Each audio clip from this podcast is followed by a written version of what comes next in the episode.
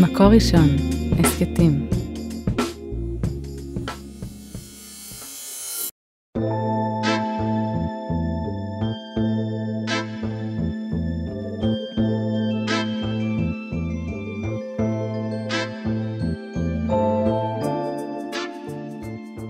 לאורך הדורות גילו נשים אחריות כלפי אחיותיהן לקהילה והטיפו למציאת הדרכים אל ליבן. אבל הרבה מהידע, מהניסיון החיים, מהסיסטרוד הנשי-יהודי לאורך אלפיים שנות גלות, עבדו לנו. אנחנו זקוקות לידע הזה, כאן ועכשיו. זקוקות וזקוקים. הוא חסר לנו. מאוחר יותר בחיי אני אקרא את וירג'יניה וולף שתהדהד ההבנה הזאת במילותיה המדויקות. כנשים אנו מחפשות את ההשראה אצל האימהות שלנו. בפודקאסט שלנו אנחנו מקדישים לדמות של אישה מתקופות שונות בהיסטוריה היהודית. שלום, כאן עליזה לביא, ואני שמחה מאוד שבחרת, בחרת להצטרף לפרק נוסף בהסכת סטורי משלך. בו אנחנו יוצאים בכל פרק לעוד חלק במסע שלנו, בעקבות האנשים שהיו פה לפנינו והמתנות שהן הורישו לנו. ובמסע שלי הארוך שנע בין תקופות שונות ובין ימים ויבשות, ולאורך ההיסטוריה מצאתי שקיימת תופעה שבה אה, זיהיתי שיותר אה, גברים נוטשים את היהדות מנשים. העדויות שעולות אה, מתקופות שונות אה, באינקוויזיציה, ברוסיה בתחום היישוב, אה, בארצות הברית. במסעות שלי אחר הנשים היהודיות אני נוכחתי שהשאלה הזאת מעסיקה אותי מאוד מאוד. למה? למה הנשים נשארות יותר נאמנות ליהדות? לכאורה זה היה צריך להיות הפוך, עולם הידע והדעת, ארון הספרים היהודי, לרוב נשים לאורך הדורות לא יודעות עברית, ההקנייה, הלימוד, שאלות שמעסיקות ואני אחריהן. ו... בתלמוד הבבלי במסכת מגילה מסופר שאסתר דורשת מהחכמים אה, להיזכר לנצח, כתבוני לדורות.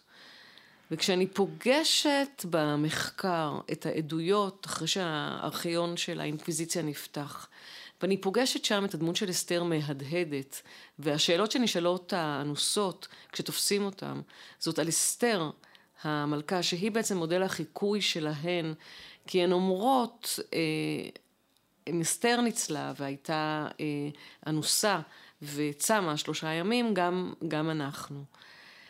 אז אלפיים אה, שנים אחרי הזמן שלה היא הופכת לסמל ולדוגמה לאנוסות אה, שרואות במודל. ולאחרונה ממש פרסמה הסופרת חיות הדויטש ספר מרתק שמתאר תופעה, אבל תופעה שהיא מאה שנים לפני הגירוש. דוקטור חיות הדויטש, סופרת, הדוקטורט שלה עוסק בחכמים ומטרונות, קיבלה את פרס היצירה לסופרים עבריים, מקדישה זמן רב להחזיר לנו את אחת הדמויות המרתקות, אישה שנשארת יהודייה למרות הכל. שלום חיותה. שלום עליזה. ממש שמחה לפגוש אותך אחרי הספר המרתק שהחזרת לנו.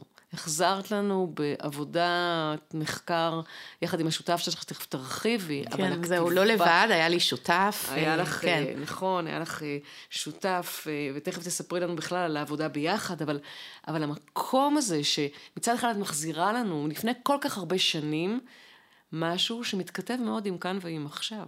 כן, כן. באמת, התגובות לספר היו דומות למה שאת אומרת. אנשים אמרו, את מחזירה לנו פה איזה דמות, אנחנו... זה לא רק, דמו, זה לא רק הדמות של יואנה הלוי, שסיפרנו אותה, אלא זה הצצה לכל התקופה הזאת שהיא נעלמה. האמת היא באמת ההיסטוריה, וה, ואת יודעת, תשאלי סתם אנשים, הם מכירים את הגירוש, הם מכירים תופעה של אנוסים, אבל את המאה השנה שלפני, את פרעות קנ"א, מכירים המומחים. אנשים שקראו, וגם זה משפט שכתבתי בספר, והרבה מצטטים לי אותו, זאת השואה של יהדות ספרד. כל כך מדברים על שואת יהודי אשכנז באירופה. זאת השואה שנראה 600 שנה קודם של יהודי אה, ספרד, שממש בתוך מאה שנה נמחקו, ויש לזה שלבים והיסטוריה, ויואנה היא בת המאה ה-14, המחצית השנייה של המאה ה-14, והסיפור שלה מדהים. היא מתחתנת עם עילוי, עם בחור שכנראה היה באמת יוצא דופן בכישרון שלו, בייחוס המשפחתי שלו, בעובדה שהוא היה תלמיד חכם עצום, ששלחו אליו שו"תים מכל רחבי ספרד, למרות שהוא היה צעיר. הוא גם בגיל צעיר מונה להיות הרב של בורגוס, שהיא עיר חשובה. זה לא איזה רב של איזה כפר, זה רב של עיר מרכזית בקסטיליה, והאיש הזה קם בוקר אחד וממיר את דתו. רגע, אבל מה קרה? מה הרקע? מה... א', זאת שאלה. זאת שאלה שאני שואלת אותה בספר. 114. כן. זה לא... 114 זה 1300 ו... הוא המיר את דתו כנראה ב-1391, תשעה באב, קיץ 91, פרעות קנ"א, המכונות פרעות קנ"א. אה, משהו מסתדר בחשבון, כן, קנ"א, נכון? כן, זה, זה נכון. כן, כן. והוא לפני כן התגייס בכל כוחותיו להציל את הקהילה שלו בבורגוס. השתמש בכספו, והיה לו הרבה מזה, אה, לשכור חיילים שיגנו עליהם. לשכור. את המצודה שהתחפרו בה, וכי כבר מגיעות שמועות שיש איזה גל של פרעות שמגיע, וברור שבורגוס תהיה שם גם כן בסדרה הזאת, אז הוא כבר מתכונן. וזה לא עזר, זה לא עזר, הייתה, היו פרצות בזה, הי, לא, כנראה היו שם הלשנות ו, ובגידות מצד הגויים, כן? זה לא עבד, והיה טבח גדול, והיו פרעות. ואת יודעת, זה כאילו הפוך מהמגילה, ורבים מעמי הארץ מתייהדים, אז רבים מהיהודים מתנצרים, כי נפל פחד הנוצרים עליהם. זה פשוט סיפור הפוך.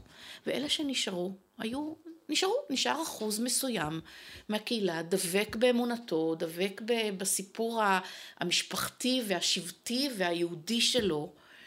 וזאת שאלה מעניינת, האם זאת, כנראה זאת הייתה הדרך הנוחה יותר. במיוחד אדם כמו שלמה, דובר לטינית, משכיל, בלאו הכי חו... בן בית בחצר מלך קסטיליה. איש, איש הכספים שלו, איש דיפלומטי, נותנים לו שליחויות רגישות שונות, אז הוא נמצא בחצרות כן, אבל הוא רב. גדולים. ואיש אבל הוא רב. אמונה. ותתארי לי את השיחה שלו עם אשתו. איך ברגע הראשון הוא אומר לה, אני מפסיק להיות יהודי. אה, ומה היא עונה לו? את יודעת, כתבתי ספר. כן. אה, אנחנו, יש פרק שאני... אה, אני יכולה לקרוא איך כתבתי, באמת חשבתי על זה הרבה, לקח לי זמן להבין, אולי דחיתי טיפה, כי כל כך קשה זה היה לכתוב את השיחה הזאת, לכתוב את הרגע הזה של ה... שאין ממנו חזרה כנראה, אז אני אקרא. הם צריכים לחשב צעדיהם מכאן, חשבה יואנה, הרי לא יוכלו להישאר פה. הם יצטרכו לברוח לאחת הקהילות הרחוקות, לקוות שהפרעות לא יגיעו לשם. ליבה הלם בחוזקה, אולי לברצלונה, לאחיה שנותרו שם אחרי מות הוריה. הלוואי.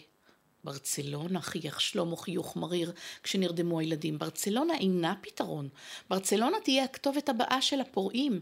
אם חכמים הם יהודי ברצלונה, עליהם לעזוב אותה במהירות. לא. אני חשבתי עבורנו, הוא אמר, על פתרון אחר. מה הפתרון? שאלה יואנה. חשבת על עיר אחרת?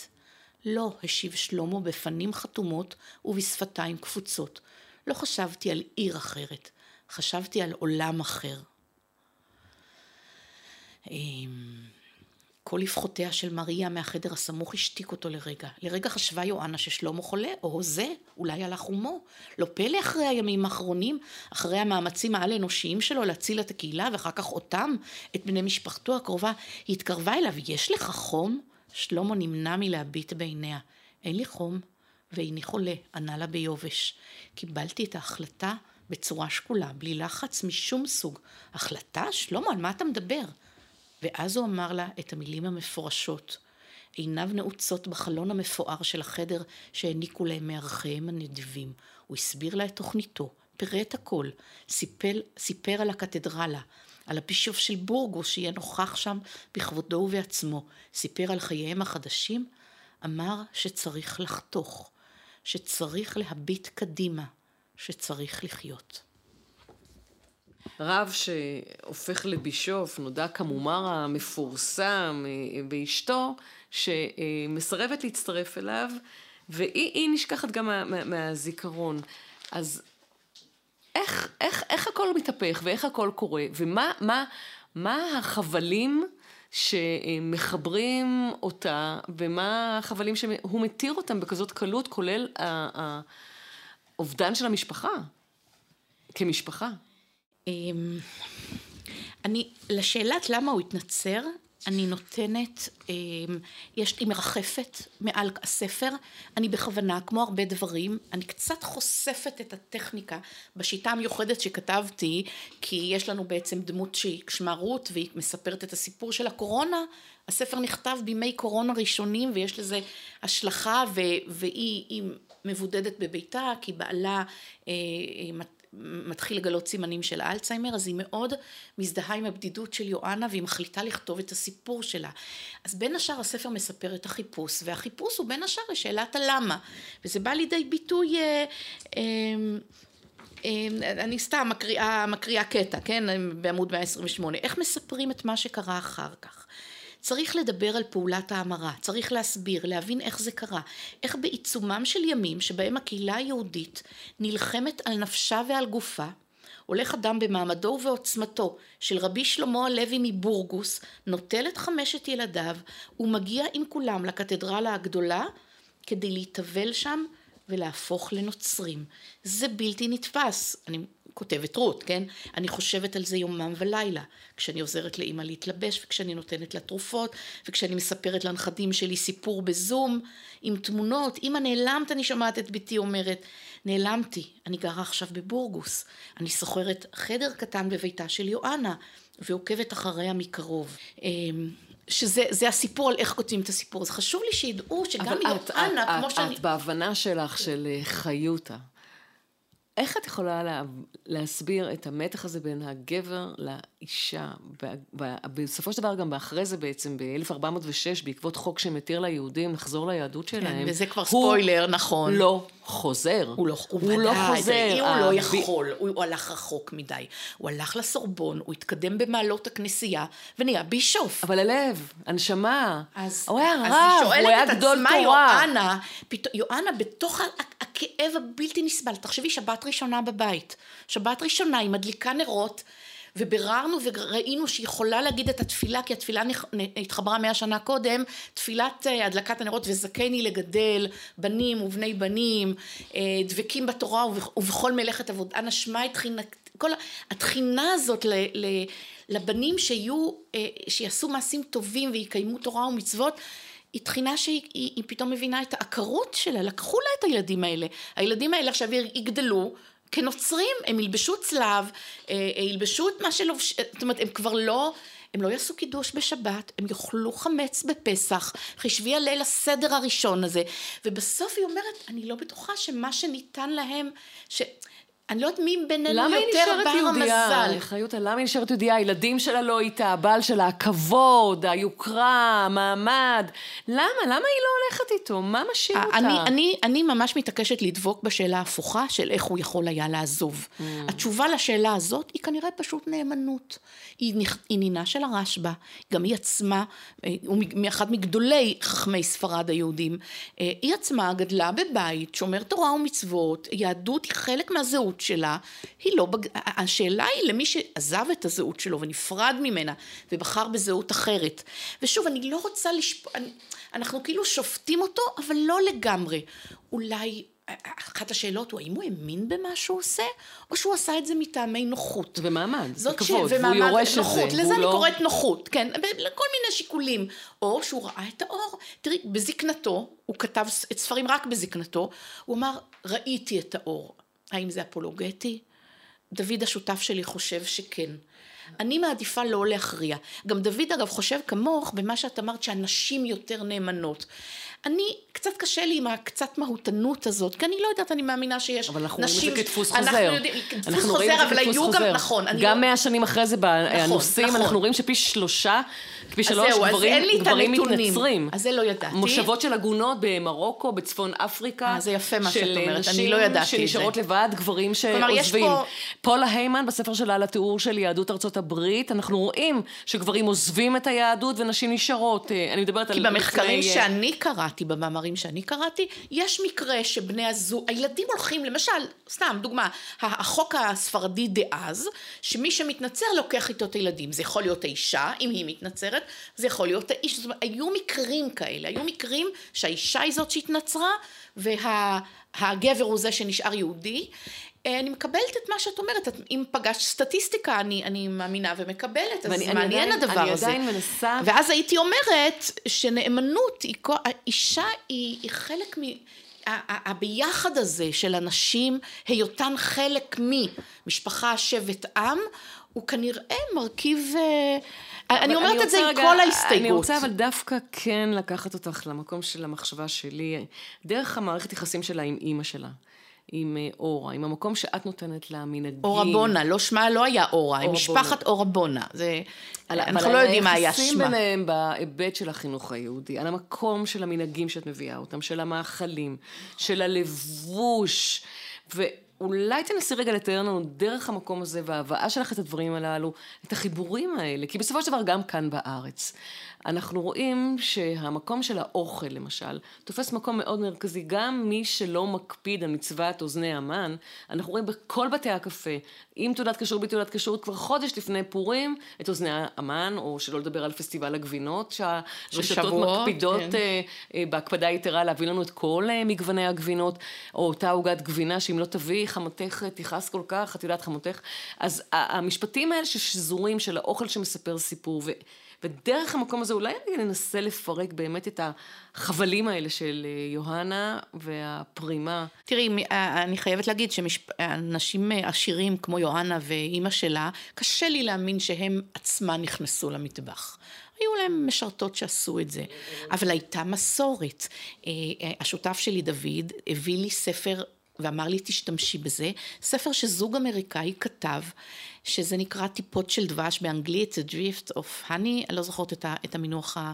והשתמשתי בו בספר גם כגימיק ספרותי, יש שם איזה יהודי, הרי רותי ספרנית, ובא איזה תימהוני לספרייה שלה ומחפש כל הזמן איזה ספר, ואף אחד לא יודע על איזה ספר הוא מדבר, והוא שמו ונטורה, הוא מיוצאי ספרד, ספרד, ואני בסוף זה מתחבר, אני לא אגיד את הפרטים. בספר הזה חקרו זוג יהודי אמריקאי תבשילים לפי מסמכי האינקוויזיציה. הרי איך, ואני שוב, אנחנו מדברים מאה שנה קדימה. איך האינקוויזיציה ידעה שמשפחה היא יהודייה בסתר? הם ראו מה הם מבשלים ב- לפני שבת, מה הם מבשלים בפסח. הם ראו דברים שונים ותיעדו. כתוצאה מזה נהיו תפריטים. והשתמשנו בתפריטים האלה, יותר מזה דוד ואשתו, בברלי עשו מסיבה לכבוד הספר בביתם, והיא אשתו בשלנית, אה, יש לה קייטרינג וחבל על הזמן, והיא הכינה מדגם מהמאכלים של הזה. זאת אומרת, נכון, מסורת עוברת דרך מאכלים, וזה אמנם דרך עצובה מאוד שהמאכלים האלה השתמרו, כי תחשבי מה קרה לאותם יהודים שבאמת בישלו והמאכלים בסוף הסגירו אותם והם נשפטו על ידי האינקוויזיציה, זה לא פשוט, אבל יש איזה נחמה בזה שמשהו מהתרבות והמסורת הזאת באמת השתמר. והזיכרון הזה של אה, אימא ובת פוגש אותך אה, במקום מאוד... אה... מאוד uh, רגיש, ואיך את כותבת את זה, על היחסים בין אם ובת? אה, תראי, במקרה של יואנה זה יופי של דבר. אימא שלה לוקחת אותה לפמפלונה, בפמפלונה זאת העיר שמוכרת את המשי הכי יפה, ותופרים את הבגדים הכי יפים לחתונה. אה, מבחינת יחסי יואנה ואימא שלה, זה, זה כמו שיחסי אימא ובת צריכות להיות. לצערי לא זכיתי שאימא שלי ת, תיקח אותי לחתונה, או ת, תתפור לי בגדים. אה, אשתו של אבי עשתה את זה בהצלחה רבה. אני, אני מודה שאני לא מדברת הרבה על הנושאים האלה, יכול להיות שזו פעם ראשונה. אני, אימא שלי נפטרה כשהייתי בת 11 וחצי. אני לא זוכרת הרבה ממנה, אה, היא הייתה חולה גם קודם. אה, זה תמיד רגיש לי, העניין הזה של אימא ובת, זה תמיד יוצר אצלי געגוע. אם שמובילה בת לחופה, זה דבר שאני לא זכיתי לו. אמ, נורא התרגשתי, זכיתי להוביל את בנותיי לחופה. שתיים מתוך השלוש, אני מקווה שבקרוב אני אוביל גם את השלישית. אז, אה, אז זה משהו מיוחד. זה באמת, את מרגישה ש, שזה זכות של איזה רגע של רצף, שאנחנו מתחברים ל, לרצף הזה שאם ובת ובת ובת. של סבתא, אגב, היו לי סבתות נהדרות, הם, הם השתדלו מאוד למלא את מקום אימא שלי, ו... זיכרונות של סבתות שלך, של אימא שלך שאת מעבירה לבנות שלך, אה, מנהגים משפחתיים. זה נורא מעניין שהיום שאני סבתא, אני כל הזמן, אני, אני עושה רוגלח, זה, לא יודעת, רק בשנה האחרונה התחלתי לעשות רוגלח, וזה ממש חוויית התגלות בשבילי, שאני מרגישה שאני סבתא שלי.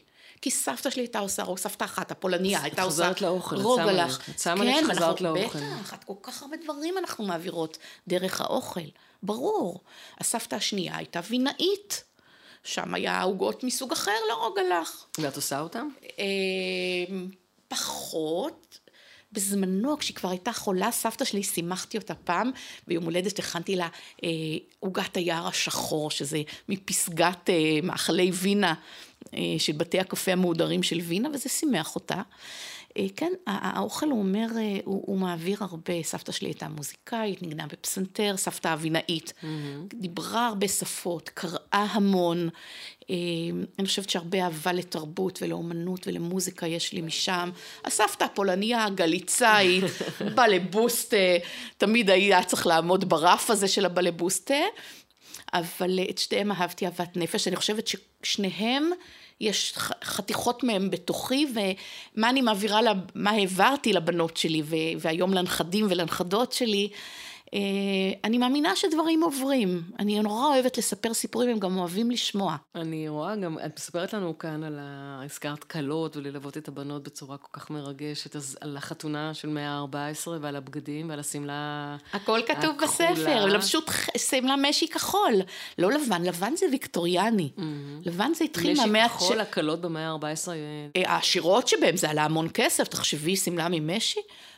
אמ, כן. זה תיעוד שאנחנו לא מכירות. נכון, כלומר, את מביאה נכון, אותו וזה בזכות דוד, דוד עשה מחקר רציני. אז אולי מילה על דוד? אה, דוד, דוד הוא, הוא יש לו הרבה תארים, הוא, הוא, הוא כלכלן, הוא היסטוריון, הוא היסטוריון של כלכלה, יש לו תואר דוקטור אחד לפחות. לצורך ענייננו הוא היסטוריון שגילה את הסיפור של יואנה כשהוא אה, אה, נסע לטייל בצפון ספרד, יש מסלול על יד הפירינאים, שאנחנו אגב ביוני נוסעים, מוציאים משלחת, אני שמחה להצטרף, דוד מוביל כזאת משלחת, לקמינו, את מכירה? שמעת על הדרך לקמינו? איזה מין מסלול אתגרי כזה, שאומנם במקור זה משהו צלייני נוצרי. אבל היום גם ישראלים עושים את הביקור, זה 800 קילומטר. ואת מחתימה שם, יש איזה פספורט כזה מיוחד, שאת מחתימה בכל תחנה, לוודא שלא חיפפת, לא נסעת פתאום זה, אלא עצרת בכל התחנות, התחנה האחרונה היא סנטיאגו דה קומפוסט. תולה, משהו כזה, אם אני לא הוגה את זה נכון. אמ, ובאחד המסעות שלו, והוא מורה דרך, והוא, אה, והוא גילה את הסיפור של יואנה הלוי. אולי הוא עבר בבורגוס, וחקר, ומצא, וממש הגיע לבורגוס, ונכנס לארכיון העיר, וחיפש מידע על משפחת הלוי. או על משפחת דה סנט פבלו דה סנטה מריה, שזה השם של שלמה אחרי התנצרותו, ומשפחת דה סנטה מריה היא משפחה מוכרת ב, ב, בעולם הנוצרי. אז הוא קיבל הרבה מידע, והמידע הזה נכנס לתוך... הוא הלך בעולם וחלם לכתוב את הספר. שייכתב ספר. הוא אומר, אני לא סופר, אני כל מיני דברים אחרים, סופר אני לא, חיפש סופרת. כי הוא חשב שאישה, ואחרי כמה זמן הוא הבין שהוא צריך סופרת דתית. שתבין את הקטע. שלא תגיד לו, כמו שהיה לו איזה ניסיון לא מוצלח כנראה לפני כן, שהיא בכלל לא התחילה, היא אמרה, מה הקטע? למה היא לא הולכת עם הילדים שלה? למה היא נשארת יהודייה? אז היה צריך מישהי שתבין את, ה, את עומק הדילמה. את עומק ה... כן, השיחה כן. שניסינו. אז אה, נורא שמחתי, כמו בהתחלה אמרתי, לא, אין זמן, ואז באה הקורונה, ופתאום התפנה המון זמן, פתאום אני לא יכולה לבקר את אבא שלי, פתאום אני לא יכולה לראות את הנכדים שלי, לעזור לבנות שלי וכן הלאה. ו... והתפנה זמן, ובזמן הזה כתבנו את יוהנה. והנאמנות אה, המחקרית מול הרצון שלך לספר, להחזיר את הסיפור לכאן ולעכשיו, ולאנשים שאולי פחות אה, רגישים למקום זה, הזה. אז... איך, איך, איך מחזירים מהעבר לכאן ולעכשיו? אמ, תראי, אה, שאלנו את עצמנו שאלות. אני, זה שבספר סיפרתי על תהליך הכתיבה, זה חלק מהדרך להנכיח את השאלות הקיימות ואת הדרך הספציפית. תדעו לכם, אני, כת... אני כותבת בתחילת אחד הפרקים, איזה יואנה אני כותבת פה? יכולתי לבחור לכתוב כמה סוגים של יואנות, הרי איך אני יכולה לדעת? אגב, זה היה התנאי שלי בעבודה עם דוד, אמרתי לו, אני, אה, אה, זה רחוק לי מדי 650 שנה, כי אני לא יכולה להיכנס לתודעה של יואנה. אז אני צריכה להיות תודעה עכשווית ששואלת את עצמה שאלות על יואנה, וכזאת תודעה כתבתי, היא בוחרת, כי בסוף היא מספרת את יואנה, ובסוף היואנה שלה היא דמות מנהיגה שנכנסת לנעליו הגדולות של בעלה ומנהיגה את הקהילה, את הקהילה כמו רבנית, למרות שהרב הלך, איננו, אבל היא כן ממשיכה לדאוג לעניים, כי כן יש לה עדיין כסף. אמ, כנראה שגם הוא קלקל אותה, הם לא התגרשו מעולם אגב, אה, עוד אולי ירושה מה שיש לה מהמשפחה שלה מברצלונה, אמ, והיא ממשיכה להיות מנהיגה, אפילו אנחנו מתארים אותה, שמה מובילה ליל סדר. שאני אמרתי לדוד, זה קצת אנכרוניסטי, הוא אומר לי, לא, ההגדה פס, לפסח היחידה בקהילה, אנחנו מדברים כמה עשרות שנים לפני שממציאים את הדפוס, רק לעשירים יש הגדה של כן, פסח כתובה, כתבי יד, אנחנו מדברים על כתבי יד. אז כן. ודאי שלמשפחת... אה, בין אם זה אורה בונה, משפחתה שלה, ובין אם זה אה, משפחת הלוי, הייתה שם אגדה. לשלמה הלוי אין מה לעשות עם אגדה של פסח, כשהוא הופך להיות פבלו דה סנטה מריה, אז מש... היא, היא יש לה את האגדה והיא מובילה סדר. טיפה קריצה אנכרוניסטית, אבל אה, דוד טוען שזה, טען שזה אמין, אז זרמתי עם זה. דוד כך כתבתי את זה. יעקובסון, שניתן כן. ככה את הקרדיט, ובאמת, המקום הזה של הילדים שהם חוזרים ליהדות, והחיפוש הזה גם של הקבר אחרי זה, כי בעצם הוא קבור הרי ב... בכנסייה או ב... פה יש קטע מעניין ממש, כי כשכתבתי לא ידעתי איך הקתדרלה נראית מבפנים, כי דוד מקפיד לא להיכנס לקתדרלות. עכשיו אני, אילו הייתי, עכשיו היה סגרים, אני ברור שהייתי נוסעת לבורגוס בכל הקשר, mm-hmm. כמו בספרים אחרים שכתבתי, שנסעתי למקומות שהתרחשו, כי זה מרכיב נורא מרכזי, כשאת רוצה לכתוב אווירה וככה, לא יכולתי, היו סגרים, היו, ספרד הייתה אדומה, ישראל הייתה אדומה, לא הסתדר, בתהליך של הכתיבה לא הסתדר.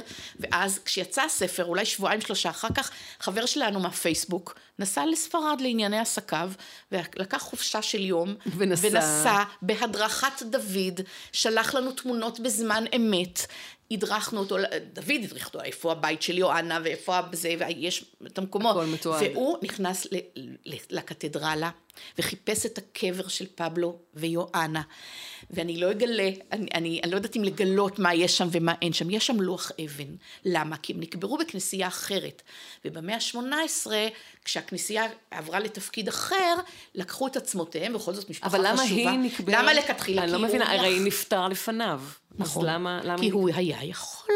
הוא החזק, הוא היה כבר הבישוף של בורגוס. אז הוא מחליט לקבור אותה, מחליט, למרות שהיא שמרה כל חייה על היהדות? אז זה פרק שאני מאוד גאה בו, אני ממליצה לקרוא את הפרק האחרון שנקרא קריאה, על הבן של יואנה שניצב מול אבא שלו, ואני לא אפרט יותר, זה פרק, פרק שכתבתי בדמע, והוא נכתב לי כאילו את יודעת, לפעמים אומרים, אני לא כך תמיד מאמינה בזה, אבל באיזה מין השראה כזאת, הפרק כתב את עצמו. כי דמיינתי איך נראה מפגש שהבן אומר לאבא, אבא אתה לא יכול, היא הייתה יהודייה, היא לא הלכה בדרך שלה, אתה לא יכול לקבור אותה. כנוצרייה. ואז הוא מבין שאין לו, ואז הוא אומר לו, אבא בסדר, תקבור אותה. אבל את ההלוויה תצא מבית הכנסת של היהודים. והתכריכים והקבורה, מנהגי הקבורה יהיו לפי המנהגים היהודים. עכשיו תראי, אין לי מושג מה היה באמת. אבל כתבתי את מה שצריך היה לי, מה שלדעתי. נעזרת אה, בשיחות אה, דמיוניות, אה, ויכול להיות שהנשמה של יואנה, תאמיני או לא, רצתה לחזור. זה בכריכה של הספר כתבו, אני כבר, נדמה לי חיים באר כתב, שהספר הופך את דמות אישה יהודייה מהערת שוליים בהיסטוריה לדמות מרכזית ברומן. את הציטוט, כן, וטוב שאת כן. קוראת אותו, כי באמת הבאתי את הציטוט כן, של חיים. כן, זה באמת ו... מה שעשינו, כי היא קיימת כהערת שוליים, כאילו משהו כמו נ"ב אשתו לא התנצרה, אבל אותה מעניין, אגב, חקרו גם את התיאולוגיה שלו, חקרו. תגידי, במסע הזה שלך, אה, למה שלא נוציא אותה לקבר ישראל? את לא הראשונה שמעלה את ה... אני לא, את יודעת, זה כבר עניין אה, בין אה, לפרק שם איזה אבן, ואגב... הם... גם אפילו כמשהו סימבולי, אה, כלומר, כן להחזיר. אני לא אולי... אומרת שזה לא שווה בדיקה, אבל אני לא חושבת שהיום אפשר להפריד. אם היא קבורה, עם עצמותיה ועצמות פבלו, הועברו אחרי מאות בשנים לקתדרלה של בורגוס, קשה לי להאמין. אז זה אומר שאת אה, מביאה גם אותו לקבר ישראל, וואו, זה כבר אה, הרמוניה לא, קוסמית. אני לא יודעת אם בפועל, אבל בהחלט אולי לציין באיזשהו בית קברות יהודי באזור. להעמיד איזה... להעמיד איזה מצבה. בתי קברות. תראי, בתי קברות יהודיים בספרד לא נשארו. מהבחינה הזאת, היא הרוויחה במרכאות או לא במרכאות מזה, שבעלה לקח חסות על, על קברה, וקבר אותה בכנסייה, וזה שמר עליה, אז, אז הקבר שלה קיים. או לפחות עצמותיה, קיימות כנראה מתחת ללוח שיש בתוך הקתדרלה. נכון, הרבה דברים נהרסו. מבחינה וגם... זאת כתבתי את הספר בלי שידעתי את זה, וכתבתי כאילו מישהי, חלק מהסיפור, היא באה לשם ומגלה קבר, וכנראה ריאלית זה לא נכון, אז אולי אני אשנה את זה במהדורות, mm. אבל קודם אני נכנסת לשם ורואה את זה במו עיניי, לפני כן אני לא משנה כלום. וואו, חיותה היה מרתק, מרתק, מרתק. תמשיכי לכתוב וליצור. אני יודעת שאת כבר צללת לפרויקט הבא שלך. תודה רבה, כן. שחוזר אל... אל נחמה נחמה ליבוביץ', נכון. והפעם אה, לבנות הנאורים. כן, אני, מצא חן בעיניי כנראה לכתוב רומן היסטורי. אז אני כותבת רומן היסטורי על נחמה, שיש בו יותר חירות ויותר סיפור מהמקור שהוא... אה, מהמקור שהוא באמת ספר יותר ביוגרפי, עיוני, כבד. אשת הרב, אשת הבישוף, חיות הדויטש, דוד יעקובסון, תודה על השיחה המרתקת. תודה, תודה לך, תודה לך עליזה. ותודה רבה לכם המאזינות והמאזינים, ותודה ליועד רובינשטיין על ההקלטה והסאונד, ועל ההפקה והעריכה הילי מויאל ויהודית טל. ואת הפרק הזה, כמו שאר פרקי הסדרה והסכתים רבים נוספים תוכלו למצוא באתר מקור ראשון, בערוץ ראשונות ובשורת ההסכתים בספוטיפיי, באפל מיוזיק וגם בגוגל. אז להתראות בפרק הבא.